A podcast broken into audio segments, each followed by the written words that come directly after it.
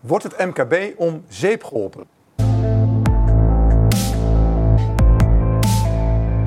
Welkom bij Niemandsland. In deze aflevering gaan we praten met de werkgeversorganisatie in retail en de vakbond de Unie. En we gaan ons natuurlijk ook een beetje afvragen, gaat dat goed samen of staan ze een beetje tegenover elkaar over het beleid in Nederland?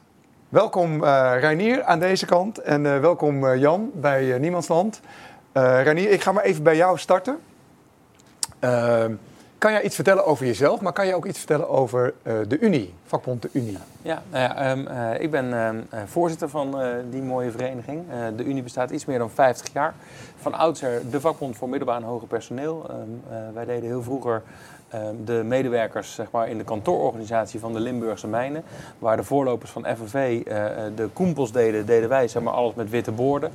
En uh, later is dat, uh, de term witte borden misschien wat crimineel gaan klinken. Maar wij deden uh, van oudsher gewoon het, het, het deel um, van, van de werknemers. En wij keken daardoor ook altijd van het vroeger al anders naar hoe je omgaat met loonstijgingen, wel of niet nivelleren. Dus er zitten wat cultuurverschillen tussen FNV en, CNV enerzijds en de Unie anderzijds. Dus dat, dat is wat historie. de Limburgse mijnen gesloten, daarna groot geworden in de financiële sector.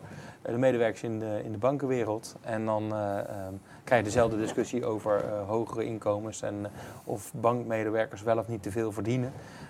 en ik denk dat mensen die veel verdienen, um, maar nog steeds in een CAO vallen, um, eigenlijk helemaal niet zo heel veel verdienen. Ik denk ja. dat er heel veel mensen in Nederland zijn die te weinig verdienen. En wie is Reinier? ja, ik ben vader van een hele leuke dochter, Marie, zelf gemaakt. Ik ben er trots op. En ik uh, uh, heb een achtergrond in de wereld van de luchtvaart en ben als fanatiek vakbondslid langzaamaan boven komen drijven in, uh, in die unie. En ben daar uiteindelijk ooit een keer voorzitter geworden. Ik zeg als lastige leden die in vergaderzaaltjes iedere keer opstaan en wat zeggen, die geef je gauw een plek achter de tafel, want dan heb je minder lastige leden in de zaal zitten. Ja. En uh, uh, zo ben ik uh, van het ene bestuurtje naar het andere bestuurtje weggepromoveerd, zeg maar. En uiteindelijk dachten ze, nou, laten we maar voorzitter maken, dan heb je er minder last van. Ja. En ja, dat bleek tegen te vallen. Dus ja, we doen leuke dingen. Ja. aan de andere kant van de tafel hebben we Jan zitten. Jan Meerman, welkom ook. Um, ja, in retail, kan je daar iets over zeggen? En natuurlijk ook, wie is Jan? Ja, nou, Jan is getrouwd, vader van vijf kinderen. wonen in Woudenberg, maar geboren in Zeeland. Ik ben echt echte zeeuw. Uh, en ik doe dit denk ik al 100 jaar denk ik, bij in retail. Zo gevoelt het. Ik, ik, werk al heel lang voor deze club. Uh, wij werken voor, uh, eigenlijk voor winkels, fysieke winkels, maar ook online winkels. Dat zijn er 5000 waar we voor werken. En dat zijn nou, 70% van de winkels in Nederland is bij ons aangesloten. Groot, klein, maar met name vanuit de MKB ontstaan.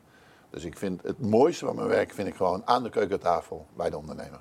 En waar staat in retail voor? Als je, Ja, het is eigenlijk de brancheorganisatie voor MKB en groot in de non-food retail, noemen we het altijd. Je hebt ook de supermarkten natuurlijk, maar wij doen de non-food. Dus we werken voor mode, schoenen, sport, uh, tuinen, uh, allerlei soorten winkels. En ja, daar geven wij ondernemers allerlei adviezen over. En af en toe kom ik er hier tegen voor om, om een CO af te sluiten. Ja. ja, daar gaan we het zeker nog over hebben. Hè? In hoeverre jullie samenwerken of misschien tegenover elkaar staan. Um, voordat we verder gaan, uh, ik ga even aan jou vragen, Ranier. Niemandsland, waar denk je aan als jij dat uh, woord hoort, Niemandsland? Ja, dan denk ik aan mijn eigen gemeente. Um, uh, ik heb een jaar of vijf gedaan over het krijgen van een vergunning om een schuur te mogen bouwen. En mijn buurman uh, is al tien jaar bezig, die woont er een half jaar langer dan ik uh, uh, op die plek. Is al tien jaar bezig met de gemeente en het waterschap Um, om uh, een, een, woning uh, te mogen bouwen op zijn erf. De woning die er staat, daar is de fundering van kapot, maar die staat te veel in de dijk.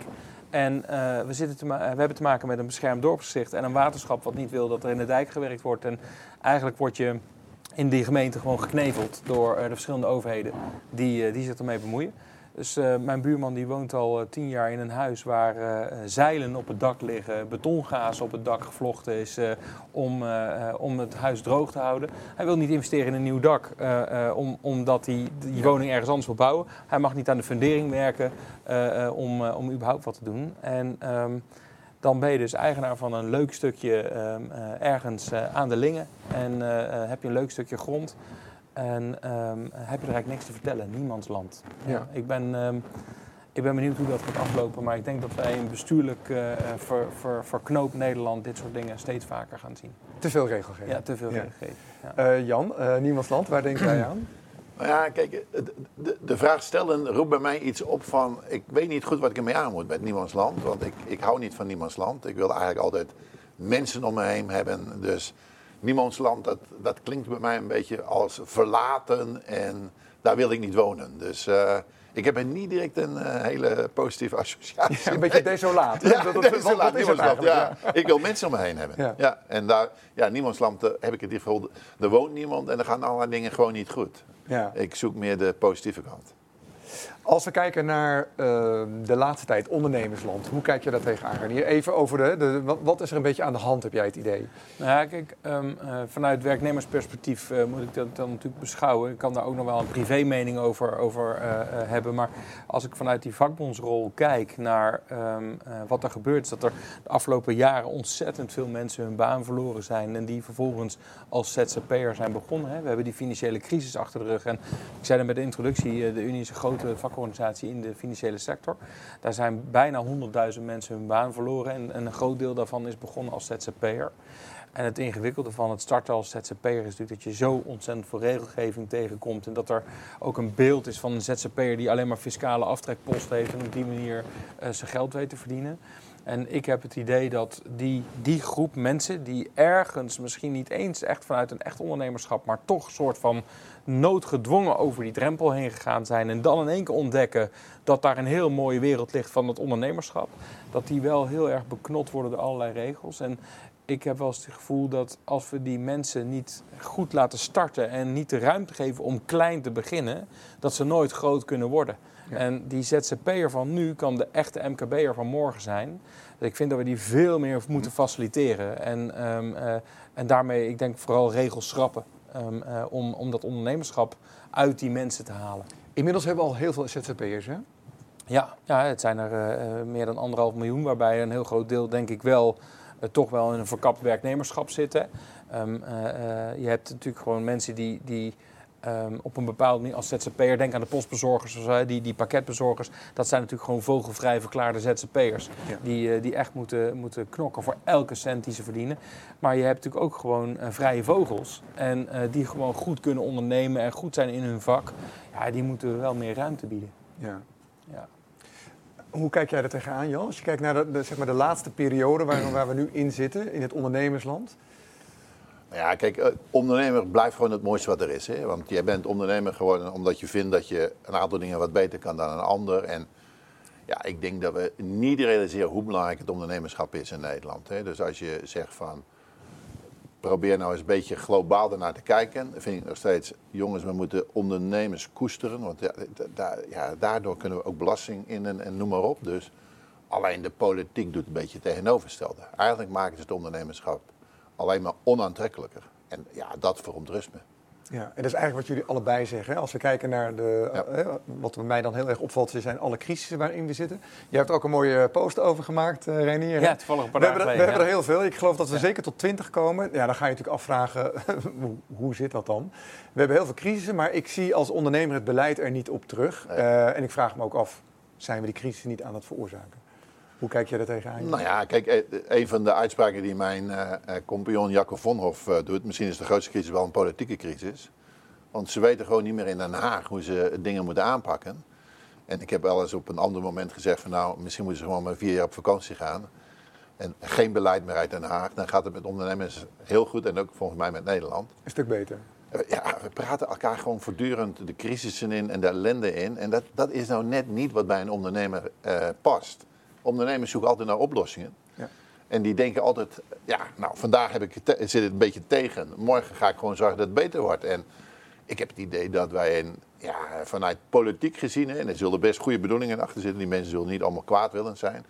Maar dat we alleen maar last hebben ervan. We hebben eigenlijk alleen maar last van politieke eh, regelgeving, politieke beleidsmaatregelen. Ze, ze droppen het ook zo over de schuttingen. Van zoek er maar uit. Hè, want de uitvoering die hebben ze helemaal niet voor elkaar ik, ja, wij worden helemaal gek van. Ja. Nou, ik ben natuurlijk zelf ondernemer, dus ik spreek dan een beetje uit ervaring. Uh, ik vind het al lang niet meer leuk. Uh, dat komt doordat de regelgeving naar mijn idee zo groot is dat je er bijna in stikt. En we hebben heel veel dingen, als je het hebt over UBO, als je het hebt over het CBDC, wat er nog aan zit te komen, digitale paspoort. Het ESG, dat gaat alles over de verduurzaming, klimaatregelgeving. Ik heb hier een, uh, dit is een, een mooi artikel. de bureaucratie ook in de verduurzaming. Dus als je het al zou willen als ondernemer, het is gewoon niet te doen qua nee, regelgeving. Nee. Ik heb als ondernemer er ontzettend last van. En ik ben ook wel blij te horen dat jullie dat ook signaleren. Want volgens mij staan een, vakbond en, en, zeker een werkgeversorganisatie ook helemaal niet tegenover elkaar, toch, uh, Reinier, wat dit betreft? Nee, ik denk dat sowieso, um, uh, als je, kijk, het uitgangspunt van, van vakbonden van vroeger is misschien wel dat je het kapitalisme een beetje moet beteugelen en dat je beter voor werknemers moet zorgen. Maar ja, in dit aangeharkte land heeft in feite elke werknemer natuurlijk gewoon uh, fatsoenlijke arbeidsvoorwaarden en kunnen we een hele hoop dingen verbeteren. Hè? Um, dat, dat is allemaal waar. Maar um, ik, ik denk dat we uiteindelijk samen hetzelfde doel hebben als een ondernemer uh, um, goed wil ondernemen en uh, daar goede mensen voor nodig heeft, dan heeft een vakbond er ook belang bij om uh, die werknemer ook te faciliteren op een manier dat die onderneming ook kan floreren. Dus dat kan elkaar wel raken. Ik denk dat het op andere plekken wel anders. Als je heel erg aandeelhoudersgestuurde ondernemingen hebt, en met name de multinationals, daar zit misschien wat minder belang om, om het in dit aangeharkte land uh, samen goed te blijven doen. Want ja, je bent als land ook vervangbaar. En dan ga je wel ergens anders zitten met je onderneming. Maar in de basis moeten wij als vakorganisaties samen kunnen optrekken. Ja. ja. Maar er is ook geen verschil in, Nico. Kijk, als je kijkt van uh, ondernemen in Nederland, ik denk dat 95% van de bedrijven minder dan 100 man uh, in dienst heeft. En als je nog wat dieper induikt, 60% van de bedrijven hebben minder dan 10 mensen in dienst. Je, bent toch niet je staat toch helemaal niet tegenover elkaar. Je doet het met elkaar. Ja. En ik, ik, denk dat we dat ook onvoldoende realiseren. Die, die ondernemer die in een winkel, ik, ik praat dan veel vanuit winkels, die staat gewoon letterlijk naast zijn medewerker in die winkel, gewoon diezelfde klanten bedienen.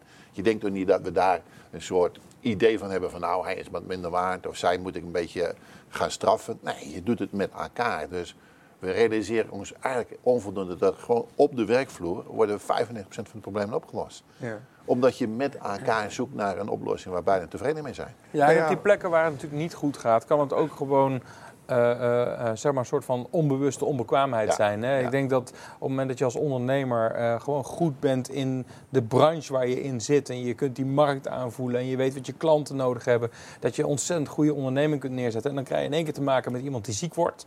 En dan word je niet aangesproken op je ondernemerschap, maar word je aangesproken op werkgeverschap. En dat is soms echt iets anders. En dan kom je in één keer in de regelgeving van een, een wet poortwachter en een eerste spoor en een tweede spoor reïntegratie. Dan moet je er een reïntegratiebureau bij halen. En dan krijg je daar allerlei loopbaanbegeleiders die, die allerlei dingen vinden en doen en rapportages. Ja, daar ben je als ondernemer natuurlijk helemaal niet. A, daar heb je de kennis niet voor. B, je hebt de tijd er niet voor, want je werkt al gewoon 90 of 100 uur per week in je eigen onderneming. Dus dan gaan er misschien wel eens dingen mis. Nou, dan is het misschien nog eens een keer een moment dat een vakbond een keer kritisch moet zijn op een individuele weg. Maar eerst en tweede spoor. Als je dat met een gemiddelde ondernemer praat en zegt, ik doe toch niks in spoorweg uh, nee, treinen. exact. Een, eer, een eerste, kijk, als je een zieke werknemer hebt, dan doe je alles om te zorgen dat die zieke werknemer zo snel mogelijk terugkomt. Je hebt een probleem. Hè? Als je met vijf man op de winkelvloer staat, ja, dan moet hij die vier harder gaan werken. Dus je doet alles, je, weet ik veel, je hebt contact. Eh, ik heb ook wel eens een keer gehoord van, uh, van een of andere minister van ja, maar je moet wel die werknemer bellen. Ik zeg, maar denk je nou dat er geen contact is tussen een werkgever en werknemer? Als je met, met vijf of zes of zeven man op de vloer staat. Dus het idee dat er geen contact is en dat je allemaal regels nodig hebt en eerste spoor en tweede spoor, jongen, hou op. Hou alsjeblieft op. Het wordt in de praktijk al zo goed geregeld. En je moet alleen de wantoestanden aanpakken, wat ja. hier ook zegt. En die mag, je, die mag je wat mij betreft vier, vier keer of misschien al veertig keer zo hard aanpakken dan nu. Ja, ja. ik merk zelf hè, als ondernemer precies wat jullie zeggen, dat uh, eigenlijk de regelgeving continu is op uitzondering. Ja. Terwijl wij als ondernemer natuurlijk zeggen, nee, wij houden 2080 aan en wij zorgen juist op basis daarvan dat we ons bedrijf laten draaien. Sterker nog, wij weten als ondernemer, als wij op die laatste 5% gaan zitten, gaan we gewoon failliet. Dat is gewoon niet haalbaar. Ja. En, en juist net wat jij zegt, wij zorgen juist voor onze medewerkers, omdat het natuurlijk voor beide partijen heel belangrijk is. Je zorgt voor elkaar. Uh, dus wij begrijpen vaak als onderneming helemaal niet waar, wat, wat moeten we met al die regelgeving. Ja, ja, ja. Er, is, er is nu een, eh, een rapport uitgekomen uh, dat, dat de armoewet niet goed wordt nageleefd. Nou, dat zal best, hè. Maar het is meer onhandigheid en de werkgever heeft niet goed geregistreerd en noem maar op. Maar wat hebben we nu bedacht? Dan moeten we maar een pakket extra regels komen en uh, boetes voor mensen die dat niet goed doen. Gaat niet werken. En jij noemde even 2080. Nou, ik durf te zeggen dat 95% van de werkgevers en werknemers, hè, allebei, gewoon goed met elkaar omgaan. Eh, en wat we aan het doen zijn voor die 2, 3 procent. Er zijn ook nog een, paar mensen die zijn onhandig. Voor die 2, 3 procent.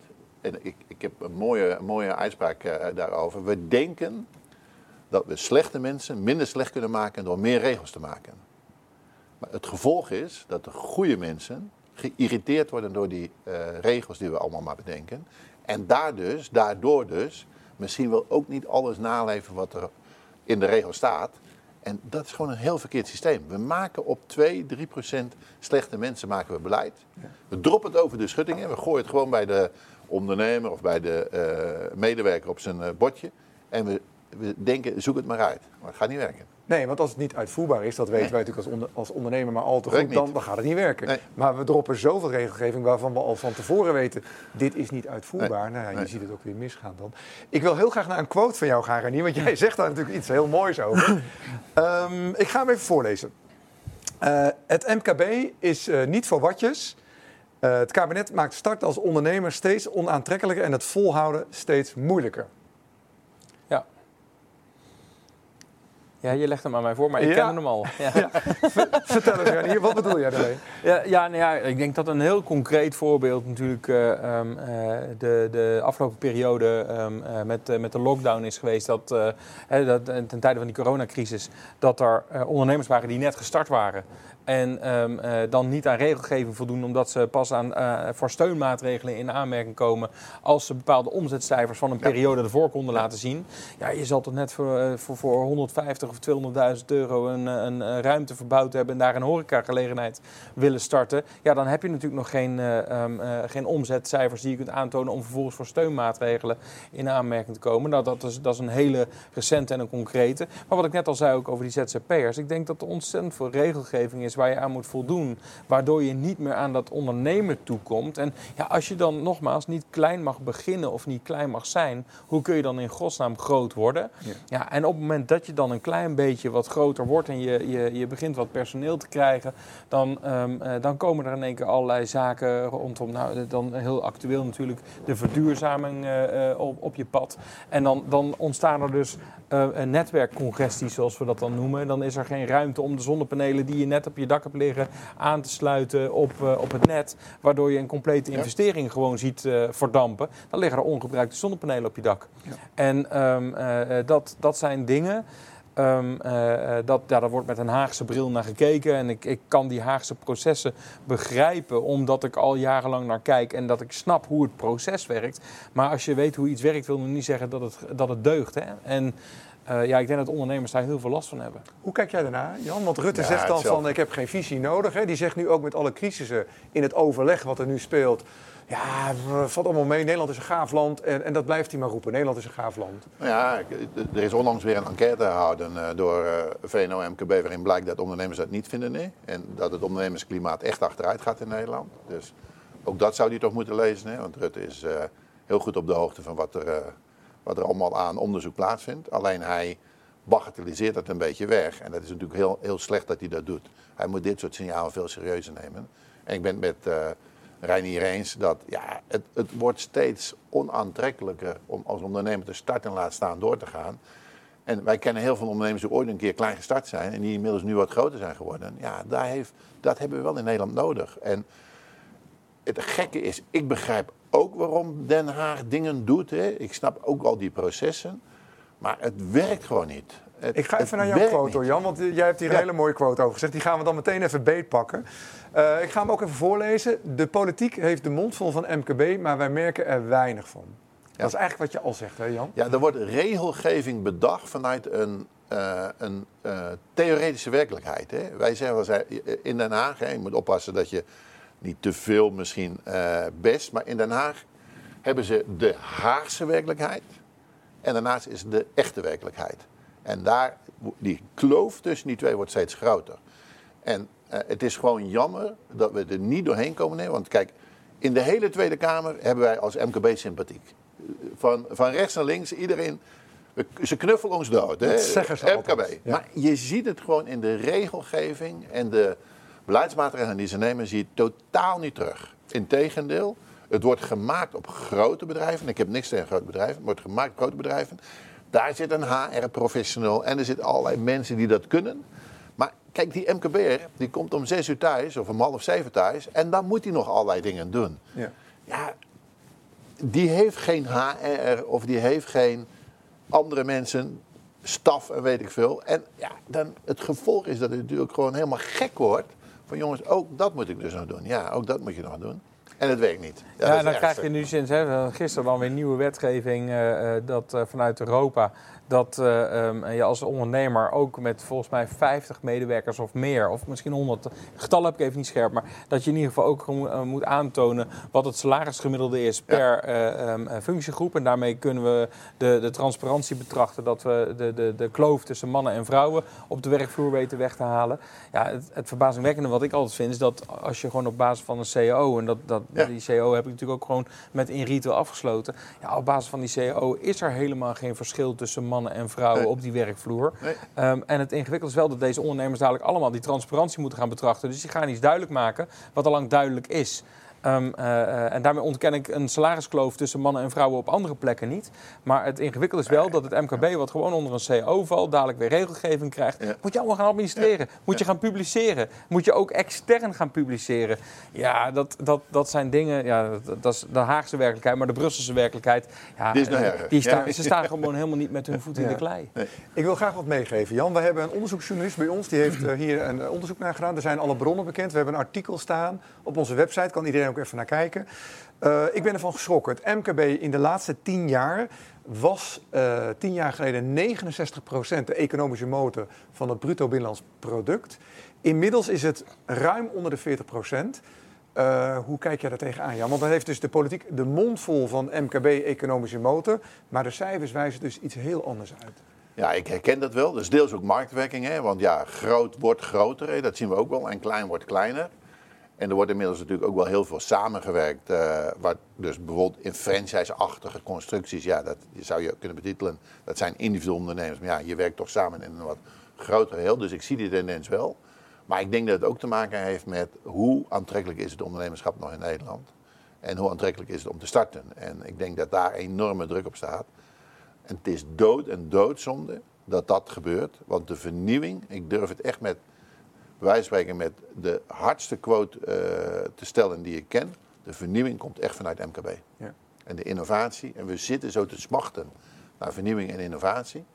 En elk groot bedrijf doet fantastisch werk hoor. Maar uiteindelijk de creativiteit en vernieuwing komt echt vanuit MKB-ondernemerschap. En dat staat natuurlijk weer heel haaks op het beleid. Hè? Want als het goed gaat met natuurlijk de werkgever en de, hè, er komen nieuwe ondernemers. Wat jij ook vertelt over de ZZP's, dat is natuurlijk ook weer mooi voor de werknemers. Ja, ik zie dat meer als een, een logisch iets. Hè? Dat je met elkaar gewoon in een onderneming met elkaar werkt. Ja. En hoe kijk jij daar tegenaan, Ranier? Als je deze cijfers ook hoort van het MKB? Nou ja, kijk, eh, dat, dat het, het grootbedrijf steeds groter wordt en, en eh, op het moment dat iets succesvol is, het ook uit de markt koopt hè, en, eh, eh, en dan eh, doorgaat. Dat, dat gebeurt in Nederland natuurlijk ook op kleinere schaal. We lezen natuurlijk alleen maar in de krant op het moment dat eh, Google een nieuwe start-up koopt of dat Apple een start-up uit de markt haalt. Maar ik denk Ja. dat het in Nederland gewoon in het bedrijfsleven ook gebeurt dat bepaalde eh, innovaties vanuit het MKB gewoon eh, worden opgekocht. En, ehm, eh, eh, en dan, dan, dan heb je die schaalvergroting en dan verdwijnt dat uit het MKB. Ehm, eh, ik denk ook dat het MKB het ontzettend zwaar heeft om het hoofd boven water te houden. En daar, daar is de coronaperiode maar een, een voordeel van, of een voordeel, voor, voor, voordeel, een voorbeeld van. Ja. En als je dan gewoon kijkt naar ehm, eh, allerlei vernieuwingen nu ook. Hè, overal moet eh, het energienet worden aangepast. Dat betekent dat overal de straat open moet. Eh, nou, je zal maar een winkel hebben en gewoon drie jaar lang met een opengebroken straat liggen. Of denk aan de Noord-Zuidlijn die is aangelegd. De, ik bedoel, de, de, de opbreking van de Ferdinand Bolstraat, om maar gewoon een straat te noemen in Amsterdam, die daarvan geleden heeft. Die winkeliers die daar gezeten Ja, hebben, die hebben jarenlang die vertraging in die bouw moeten accepteren. Ja. Dat, je zal daar als ondernemer maar zitten. En dat is dan maar één straat. Nou, dat, bijna dat, niet bereikbaar, hè? Ja, Winkel bijna niet bereikbaar. eh, eh, belachelijk onbereikbaar. En ondertussen is er natuurlijk ook nog eens een keer. En, en dan ligt die straat opengebreken, gebroken. Dus dan komt er ook geen openbaar vervoer in de buurt. Uh, dat maakt dat de mensen misschien sneller, als ze toch nog die kant op gaan met de auto willen, dan heb je een parkeerbeleid waar je natuurlijk gewoon uh, de hik van krijgt. Dus um, binnensteden worden onbereikbaar, worden ook onleefbaar door dit soort dingen. En dat is niet alleen maar omdat de winkels verdwijnen. Ik denk dat winkels ook verdwijnen omdat die binnensteden zo continu open liggen. Ja. Terwijl het beleid eigenlijk, dat is, dat is heel, heel raar, Nico. Want wat Reinier zegt, is een van de grootste uitdagingen voor de retail. Het beleid is, we moeten die binnensteden weer heel aantrekkelijk maken. Want mensen willen namelijk graag naar de binnenstad. Niet alleen voor winkels, hè, ook voor horeca, voor recreëren. En we zien in het buitenland waar het mis is gegaan. Hè, je ziet eigenlijk in de landen om ons heen, zie je eigenlijk hele, ja, hele bijna criminele binnensteden ontstaan. Hè, of geen binnenstad. En we zijn zo trots op de binnenstad. Iedereen vindt het geweldig in Nederland. Binnensteden, historie, weet ik veel.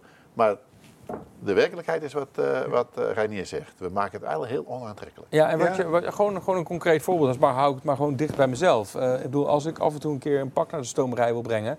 dan, dan doe ik dat in het centrum waar ik woon. En op het moment dat daar het parkeerbeleid wordt aangepast... en dat ze eigenlijk de binnenstad autovrij willen maken... dan moet ik daar mijn auto verderop parkeren. En dan moet ik misschien wel 500 meter lopen met een pak. Wat ik Door de regen? Ja, ja, kan ik mijn andere pak ook laten stomen. ook altijd als je dat doet. Ja. Nee, dat is, maar als je daar dus over nadenkt... dan dat betekent dus dat ik dadelijk automatisch, dat is zo'n consumentengedrag. Dan ga ik zoeken naar een stomerij op een industrieterrein waar ik makkelijker kan parkeren. En dan kan ik daar makkelijker mijn pakken wegbrengen. Dat maakt dat ik gewoon die binnenstad niet meer bezoek. En uh, dat, dat zijn van die hele kleine dingen. We kunnen wel zeggen dat je last hebt van die auto in de binnenstad. Dat moet je, moet, moeten we vooral ook blijven zeggen. Maar je moet ook gewoon uh, laten zien wat de waarde ervan is. Van die bereikbaarheid van die binnenstad. Ja. En, um, uh, en dan hebben we het natuurlijk gewoon nu over het MKB, wat dan, wat dan retail is. Maar als je dat naar het grotere MKB of naar een, een, een buiten de centra verkerend MKB bekijkt, uh, industrieterreinen of wat dan ook. Ja, er zijn natuurlijk gewoon hele grote delen van Nederland die met het openbaar vervoer of met ander vervoer ook amper bereikbaar zijn. Ja. Um, uh, en, en dan wordt er in de, in de, in de stad natuurlijk enorm geïnvesteerd. Zo'n Noord-Zuidlijn wordt aangelegd, tramlijnen worden doorgetrokken, light rail wordt, uh, wordt tussen de, de middelgrote dorpen en steden in, in de Randstad ja. doorgetrokken. En in, in die periferie, voor zover de periferie genoemd kan worden, ja, sneeuwt dat natuurlijk gewoon heel erg onder. En ik denk dat het daardoor als MKB ook heel erg moeilijk wordt om, om het te blijven volhouden. En in dat straatbeeld zie je dan ook wel misschien tegelijkertijd, hè, dat valt tenminste wel erg op, hè, dat die multinationals, al die grootbedrijven die alsmaar groter worden, hè, het MKB alsmaar kleiner, dat alles bijna hetzelfde is. Hè? Het ziet er allemaal hetzelfde uit. Ja, en het gekke is, dat is niet een gewenst beeld. Hè. We willen juist die goede combinatie, groot en klein. Hè. Dat, dat vinden we eigenlijk de beste combinatie. Hè. Als je uh, die grote bedrijven prima, hè. maar daarnaast heb je die unieke winkels nodig, hè, die het apart maken, die het bijzonder maken. En ja, die als gevolg, eh, wat er nu gebeurt, het gevolg wat jij zegt is, je zet iemand met een blinddoek in een stad en je weet niet in welke stad je bent, omdat alles op elkaar lijkt. Dat willen we niet. Dat, eh, ik bedoel, iedereen zegt dat willen we niet, maar tegelijkertijd zie je eigenlijk in de praktijk dat er weinig aan gedaan wordt om dat te voorkomen. Je ziet heel veel tegenovergestelde dingen vanuit het beleid. Ja, ja. Hoe zit het met Jacco Vonhoff, MKB, VNO, NCOE? Waar blijft de lobby voor het MKB? Dat vraag ik me echt af. Nou ja, kijk, uh, ik krijg vaak die, die vraag heel vaak van ondernemers. Hè. Wat doen ze nou voor me? En dat, uh, nou, andere termen uh, gebruiken ze die ik nu niet zal vertellen. ik kan me iets voor voorstellen. ik, kijk, als, ik, ik ken Jacco goed. Hè. Ik, ik spreek hem denk ik één, twee keer per week. Hij doet fantastisch werk. Echt fantastisch werk. Ik denk niet dat je een betere lobbyist dan Jacco Vonhoff kan voorstellen. alleen, hij mag zijn verhaal vertellen. Hij wordt aangehoord. Hij wordt doodgeknuffeld. En daarna gaan ze over tot de orde van de dag. En dan komen ze dus zeg maar in de politieke arena. Jacco zei het een paar weken geleden zo. Dan komt alles in de politieke blender. Want ja, we moeten kijken van het kabinet moet blijven zitten. Er moeten nog wat andere partijen in de Eerste Kamer uh, moeten we ook nog uh, tevreden stellen. Dan moet de uitvoering ook nog kloppen. En het resultaat uit de blender is dat niemand het meer herkent. En dat is eigenlijk op dit moment de reële situatie.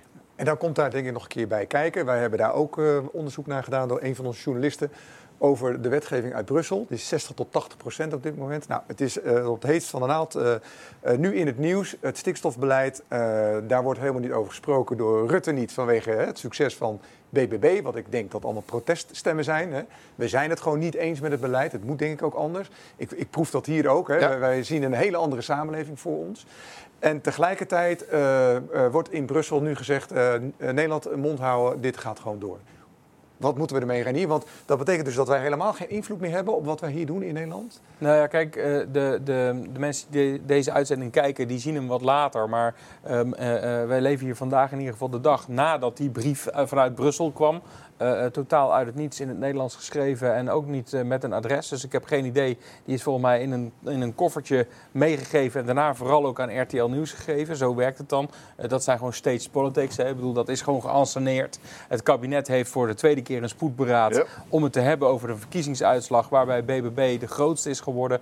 En vervolgens voor dat beraad komt er nog even een brief en die lekt dan uit in het nieuws. En daarmee wordt het beleid in ieder geval vanuit D66-hoek heel erg blijvend ondersteund. Hè? Want ik denk dat de drie andere partijen best wel wat uh, losser in dat beleid zouden willen zitten. Dus ik weet niet helemaal of deze brief echt uit Brussel komt en of die ook formeel uh, uh, um, geadresseerd is. Maar los daarvan zit het natuurlijk wel steeds meer met Brusselse invloed. Um, wat heel raar is dat wij daar vanuit Nederland zelf ook in Brussel natuurlijk gewoon parlementariërs hebben zitten die daar ook weer invloed op zouden moeten hebben. En ik heb wel eens het idee dat er in Den Haag te vaak gezegd wordt dat, um, uh, dat iets uit Brussel komt. Um, uh, uh, los van het feit dat ik weet dat, je zegt steeds een van onze journalisten, ik weet dat Twan dat heeft onderzocht. Ja. Ik lees zijn stukken ook. Um, hij, hij, stelt heel duidelijk dat het gros van het beleid uit Brussel komt. Maar ik vind dat we ons daar in Nederland te vaak achter verschuilen.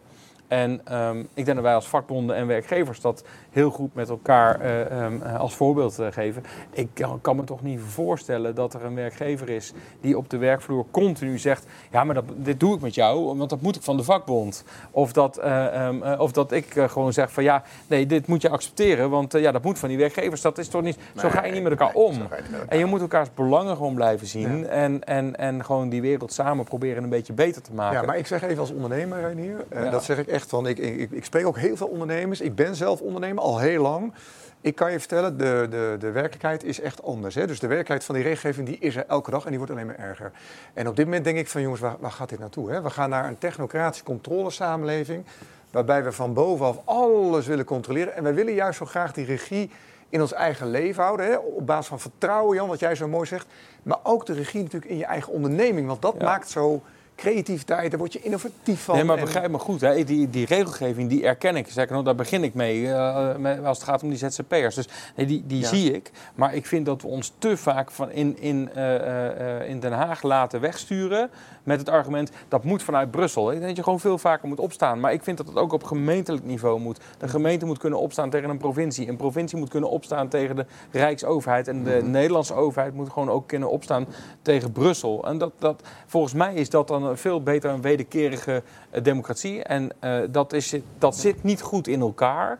Maar we, we gebruiken het te vaak als excuus om niet te hoeven handelen. Wat is de oplossing daarvoor als jij dit hoort, Jan? Want jullie zijn samen best sterk, denk ik, toch ook in Nederland. Met jullie lobby en wat jullie zouden kunnen doen. Ja, Jan, zijn wij sterk? nou ja, laat ik zo zeggen, ik denk dat de kwaliteit van de lobby goed is. Alleen, we, we, zijn in een politiek systeem terechtgekomen... wat dus niet meer in staat is om naar oplossingen te denken. Hè? En uh, het systeem is zo leidend geworden, het proces is leidend geworden... en dan gaan we proberen het proces nog ietsje te verbeteren... maar uiteindelijk ik denk dat in de kern is dat we eigenlijk misschien wel eens een keer vanuit een blanco vel moeten gaan redeneren. Wat, wat, wat, wat hebben we nou nodig, hè? vanuit uh, ondernemerschap gezien, maar ook vanuit goede samenwerking tussen werkgever en werknemer. Wat hebben we nou nodig om nou eens een keer echt uh, af te zijn van die regels en van al die ellende die over ons heen komt? En ja, daar zijn we niet meer toe in staat. En ja, ik, ik ben het met Rijn hier eens. Je verschuilt achter Brussel. Ik vind het het meest zwakke excuus wat je kan gebruiken. Ik denk het dat... is zo, hè? er komt ja. heel veel regeling.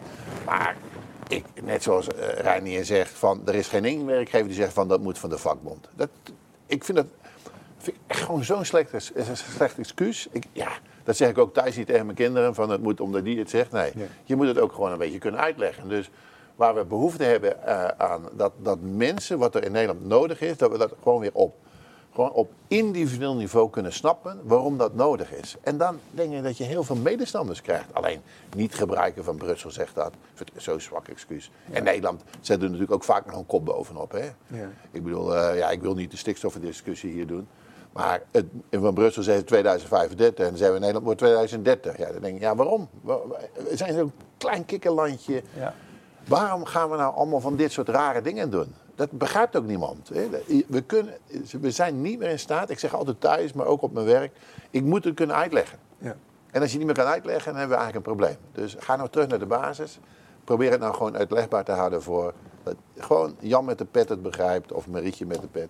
Ja. Uh, dat kunnen we niet meer. Maar het moet uit te leggen zijn, Jan, denk Ja. ik ook. Hè? En wij als ondernemers zeggen altijd, als wij iets bedenken, een plan of wat dan ook, het moet uitvoerbaar zijn. Anders uitvoerbaar. Vergeet het maar. En ik merk dat er zoveel dingen worden Ja. Nou ja, ge- geregeld, maar het is totaal niet uitvoerbaar. Hoe kijk Ja. jij daar tegenaan? Nou, daar, daar lopen we natuurlijk aan alle kanten tegenaan. En wat, wat inmiddels natuurlijk wel echt ingewikkeld begint te worden, is dat als je als professional gewoon ergens werkt en oprecht in die uitvoering je best doet en je taken eh, zeg maar wil vervullen, dat dat niet meer kan. Je zal nu maar medewerker zijn bij de Belastingdienst.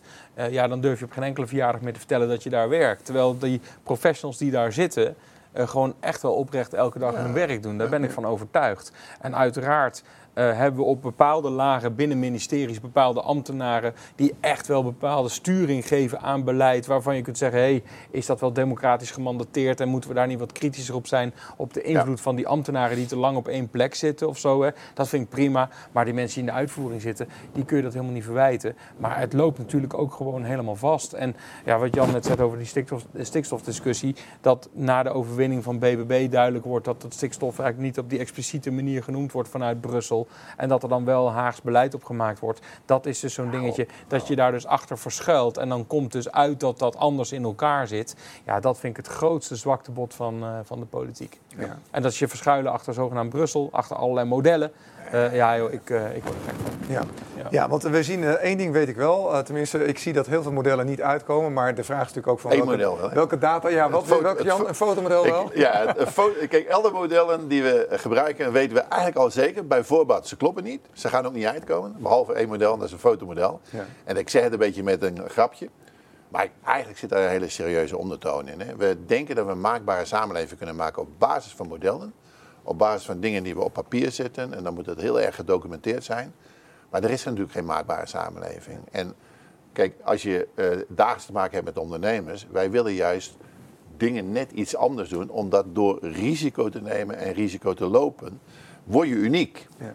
En dan is er geen maakbare samenleving. Integendeel, we moeten de basis goed regelen. Kijk, we, we willen natuurlijk dat niemand in Nederland armoede lijdt en noem maar op. Dus dat moeten we fantastisch regelen. Ieder ondernemer is ook bereid belasting daarvoor te betalen. Maar geef ruimte, geef ruimte om net even dingen anders te doen. En, dingen, en ik denk dat je het gewoon heel laag in de organisatie moet neerleggen. En je ziet ook een tendens in bedrijfsleven. Laat de beslissingen niet door die domme CEO gemaakt worden. Nee, op de werkvloer. Daar weten mensen tien keer beter. Jan, ik ben het heel erg met je eens. Kijk, wij, wij doen zelf als bedrijf ook heel veel aan verduurzaming. Eh, alleen, ik merk gewoon met alles wat wij opgelegd krijgen... dat dat gewoon eh, zeg maar niet te realiseren is. En ik ben ervan overtuigd dat bijna elke ondernemer... eh, een mooie ecologische eh, aarde wil hebben en hier iets aan wil doen. Alleen dat moet wel kunnen. Die transitie moet je wel kunnen doen binnen je bedrijf. En op dit moment gaat dat natuurlijk helemaal scheef. Want we worden door modellen gedwongen om dingen te doen die helemaal niet uitvoerbaar zijn. Ja. Wij zien het ook. Hè. Kijk, ik, ik denk dat, dat wij dit onderwerp hoog op de agenda moeten hebben. Daar is iedereen het over eens. Duurzaamheid en verantwoord, verantwoord met de maatschappij omgaan, maar ook met de medemensen en met energie. Allemaal wat, wat er nodig is. Maar hou het alsjeblieft ook gewoon de menselijke maat. Hè, dat die ondernemer iets ook kan doen. En kijk, wij krijgen natuurlijk het verwijt dat wij producten maken in Bangladesh en dat is allemaal slecht. Ik denk dat het ook nog veel verbe- voor verbetering vatbaar is. Maar nou heb, ben je ondernemer en je hebt 1 miljoen omzet. Wat is jouw invloed daarop? Ja. Ja, is natuurlijk nul. Ja. Dus probeer het ook op het niveau terug te krijgen. Wat kan een ondernemer doen in zijn eigen eh, eh, besluitvorming?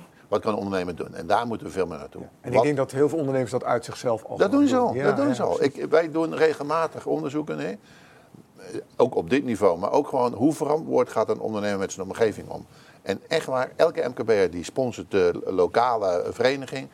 Als er eh, iets in het dorp of in de stad moet gebeuren, doen ze mee. Dus die, die, die hebben al een DNA van ik voel me verantwoordelijk voor mijn omgeving. Ja. Dat zit er al in. Ja, dat is hoef, je, hoef je alleen nog maar een beetje aan te wakkeren en dan gaat het vanzelf. Ja. Ja, ik vind dit wel een mooi voorbeeld. Als we straks uh, uh, kerst 2023 hebben en je ziet weer alle winkelstraten volhangen met allerlei verlichting, ondanks de hoge energieprijzen, dan hangt daar geen enkele lamp van Unilever. Hè. Dat zijn allemaal lampen die er allemaal door die lokale ondernemersverenigingen gefinancierd worden. Die binnensteden worden ingericht door die MKB'ers. Ja. En daar zit geen multinational bij hoor. Nee. De, die ondernemer is zo'n um, uh, zo verweven in die samenleving op lokaal niveau. En uh, dan, dan heb je overal de mooie verlichting. En dan staat aan de rand van de stad staat er een of ander gebouw van een multinational. En daar zijn alle lichten gewoon uit en is het koud en kil op de parkeerplaatsen. Precies, ja. um, uh, dus die MKB'er, ja, die, die draag ik een heel warm hart. Het zit al in zijn DNA. Hè? Je bent lokaal eigenlijk gewoon altijd betrokken. Ik denk dat elke ondernemer in mijn achterban is lokaal betrokken. En gelukkig zien we ook wel dat de wat grotere uh, multinationals misschien niet, maar grotere uh, MKB's die wat meer winkels hebben, dat ook wel snappen. Dus we zien wel de beweging. Maar ik denk, we gaan ook hier weer vanuit die MKB, die zal het wel niet doen. Nee, die doet het al. Alleen, kijk hoe je hem nog een beetje kan helpen om nog net iets meer te doen of net iets slimmer te doen. Geef ze de ruimte. Hè? Geef ze de ruimte. Ja. Uh, ik wil heel graag naar het laatste onderwerp met jullie jongens. Dat is de onderste steen boven. Waarom doen wij dat? Omdat wij vinden dat een democratie heel erg geholpen is bij transparantie. En uh, wij merken dat in de mainstream media uh, heel vaak het narratief of het verhaal wordt verteld van de overheid. En die wordt alsmaar nauwer. Uh, nou, daar, dat, daar vinden wij wat van. En wij denken, nee jongens, laten we hele belangrijke thema's die er echt zijn, laten we die met elkaar bespreken. En laten we vooral de dialoog weer met elkaar aangaan. Die missen wij heel erg. Ik ga ze heel graag met jullie bespreken. en even kijken wat jullie ervan vinden. Ik begin even met de eerste, dat is de UBO-data. De unique beneficial ownership, dat is eigenlijk uh, even om uit te leggen. Uh, elke ondernemer moet nu gaan aangeven uh, welke aandeelhouderschap hij heeft hè, binnen zijn BV's. Dat wordt allemaal vastgelegd. het geeft een enorme rompslomp aan regelgeving. Bij alles wat je doet, dat durf ik te vertellen, al visa, bank, het maakt niet uit wat je doet. Je wordt vastgezet en je komt geen millimeter meer verder. Het is een chaos. In 1 april van dit jaar moest alles binnen zijn. De data is al gelekt, is ook al bij, er is al een rechtszaak aan de gang met de, gelukkig de ondernemers aangespannen. Want ik vraag me ook af, is die uh, data wel veilig? Wat gebeurt ermee? Uh, ik ben heel benieuwd hoe jullie daarnaar kijken. Uh, dus het gaat naar de overheid, maar ja, we zien al veel lekken. Dus ja, we voelen ons daar wel wat ja, zorgelijk bij. Uh, de tweede die ik heel graag aan jullie wil laten zien is de belastingontwijking. Uh, ja, ik blijf het zeggen, omdat ik denk als MKB'er, wij betalen bijna alle belasting. En als burgers. De multinationals, nou we zien de aantallen, hè. We, zijn, uh, we gaan naar de 30% als het zo doorgaat. Die blijven over. Dat betekent dat de belastingen straks naar de laatste groepje MKB'ers gaat. Hè. En de burgers. Uh, ik denk dat het fundament anders moet. Dat de, de, de, ja, gewoon de belasting weer ook betaald moet worden door ons allemaal. Wij zijn als MKB nou, denk ik een beetje de gekke Henkie. En hoe kan het dat in de, de Zuidas daar dat nog steeds geregeld wordt met postbussen, met allerlei ontwijking voor onze multinationals? En als laatste, wij merken dat in Nederland, wij horen daar ook mensen over spreken. Bijvoorbeeld Geert Dales laat in een post, podcast. De netwerkcorruptie in Nederland, dat die echt er is. En de achterkamertjes en dat die vooral door multinationals wordt ingezet met veel geld. Rennie, hoe kijk jij naar deze drie onderwerpen en welke zou jij het liefst het als eerste uitgezocht willen hebben? Oh, dat, uh, uh, dat is grappig. Deze vraag ik natuurlijk niet aanzien komen. Het spijt me dat ik de, onderste, de categorie of de rubriek de onderste steen boven nog niet kende. Um, kijk, het, het, um, het, lekken van die UBO-data, het lekken aan zich vind ik heel vervelend. Die UBO-data aanleveren vind ik waanzinnig. Um, omdat al die data al lang bekend is. Ja. Dat is namelijk, het is allemaal dubbelop bedoel, is al lang geregistreerd. En uh, ik mag dan voorzitter zijn van een vereniging, maar zo'n vereniging heeft dezelfde lasten. Hè? Dus niet alleen maar als eigenaar. Je moet ook als je voorzitter bent van een vereniging of directeur van een vereniging, dat is niet eens je eigen onderneming, maar daar ben je gewoon wel eindverantwoordelijk in loondienst. Moet je het ook allemaal aanleveren. Uh, ja, wat wij hebben moeten doen om, om dit goed te kunnen doen is waanzinnig. Ja, het is en, en voor mijn gevoel was het allemaal al bekend. Dus, dus de vraag is eigenlijk waarom gebeurt dit? Hè? Ja, en daar heb ik het antwoord niet op. Omdat, um, ook al kun je zeggen, ja, er wordt centraal geregistreerd... want dan kunnen ze ons nog meer in een digitaal jasje spijkeren. Ja, dat digitale jasje was er al, want het was allemaal al bekend. Dus um, ja, het is, het is checklisten afwerken om maar zogenaamd te blijven controleren tegen dat witwassen. Um, uh, wij hebben vorig jaar geprobeerd een nieuwe bankrekening te openen. En, uh, dat lukte niet. Ja, dat duurde, dat duurde tien weken. En uh, ja, wij hebben recentelijk samen ook gewerkt aan een CAO in de e-commerce. Waar een, waar een nieuwe vereniging voor opgericht is. Waarbij die vereniging zelf ook in het leven geroepen moet worden. En joh, ook die vereniging kreeg gewoon tien weken lang, of misschien wel langer, geen bankrekening op orde. Eh, dit soort problemen. Het is waanzinnig, uh, die, die, die witwascontrole of, of controles op allerlei dingen. Is helemaal doorgeschoten. Ja, ja. de verzekeraars ja. en de banken hebben natuurlijk ook wel enorm last van. Maar ik, ik denk dan weer, laten we even teruggaan naar het fundament. Want dit gaat dan zogenaamd over het witwassen. Ik denk als ondernemer, dat is ook weer de uitzondering zoeken.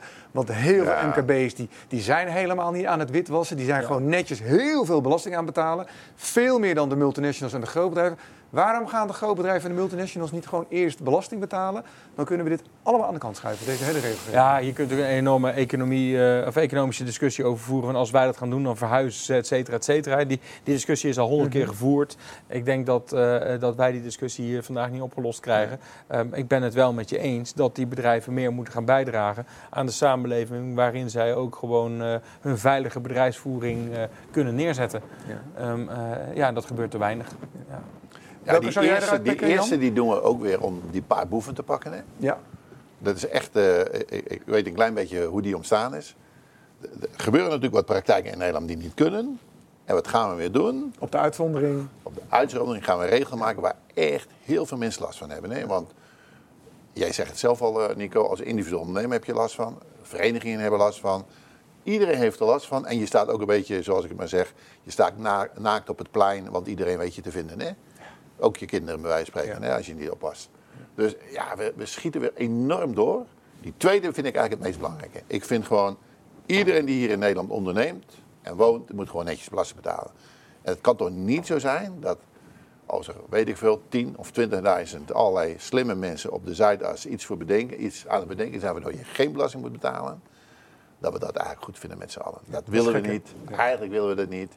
En waarom betaalt een MKB eh, het wel? Ja, die heeft geen advocaat waar hij uh, beroep op kan doen. Heeft ook veel minder ingewikkelde constructies waar hij gebruik van kan maken. Heeft gewoon een BV en misschien nog een holding. En dat is het dan. Ja, we, we, Kunnen we hier met Jacco Vonhoff graag over gaan iedereen In Nederland, ja, is misschien. Ja. Iedereen, iedereen in Nederland die werkt en woont, moet gewoon belasting betalen. Ophouden om te zeggen van wij bedenken een slimme constructie. Want dan krijg je toch een samenleving? Hè? Maar ik, ja, ik bedoel ook die bedrijven die daar dus gebruik van maken. Die maken gebruik van openbare voorzieningen in Nederland. Maken van opleiding gebruik van de wegen, noem maar op. En dat je, dat je misschien om allerlei redenen niet het hoogste tarief moet betalen. Oké, maar ja. dan moet je wel gewoon belast betalen. Gewoon belast betalen. Ja. En ophouden met no-constructies of weet ik veel. Hoe denk jij over de laatste, laatste onderwerp? Ik ken dat niet. Ik, ik heb het idee dat we nog in een net land leven. Maar misschien is dat mijn ideale beeld van Nederland. Mhm. Ik heb het idee dat het in andere landen wat erger is. Ik, ik kom het niet tegen dat er allerlei corruptie ergens plaatsvindt. Maar goed, dat kan ook mijn onbekendheid zijn. Ja. Nederland heeft een hoop boter op zijn hoofd, want dat geldt natuurlijk ook voor de belastingontwijking. We hebben dat met heel veel dingen, ook het afval wat we doen, chemisch afval, noem het allemaal op. We roepen heel erg dat we het netste jongetje van de klas willen zijn. Dat moeten wij met z'n allen regelen en betalen, maar achter de schermen hebben wij het idee, en daar zijn we ook aan het onderzoeken, dat er echt hele andere dingen gebeuren. En dat is wel een beetje jammer. Ja. Ja, toch? Ja. ja. ik denk dat we op heel veel plekken de samenleving een stuk beter kunnen maken. Um, en uh, nou, het is in ieder geval fijn om daar met een aantal ambitieuze mensen aan te werken, toch? U kunt, uh... Ik vind het heel mooi. Ik wil ook heel graag afsluiten. Renier, dank je wel uh, voor dit mooie gesprek. Jan ook als ik naar jullie luister, dan krijg ik er een heel goed gevoel bij dat we juist met z'n allen eigenlijk heel goed weten waar we met Nederland heen willen. Absoluut. Er is ook heel veel ambitie. Ik weet het zeker onder de ondernemers. En, en er zijn veel goede dingen. Hè? Ja, er hele goede. En ik denk dat als wij een tijdje bij elkaar zitten, dat we een prachtig land van gaan Wij kunnen het oplossen. Ik denk dat we kunnen oplossen. Ja, dat, dat geloof ik ook. Ja. Dank jullie wel. Graag gedaan. Uh, kijkers, bedankt weer voor het kijken uh, naar deze aflevering van Niemandsland. Uh, uiteraard kunnen jullie voor de bronnen ook kijken naar artikelen die wij hierover schrijven. Die gaan we koppelen aan, dit, uh, aan deze aflevering van Niemandsland. En natuurlijk komt hij ook weer in de podcast, zodat je ook op je gemak hem gewoon ergens kan luisteren. Dankjewel en tot de volgende keer.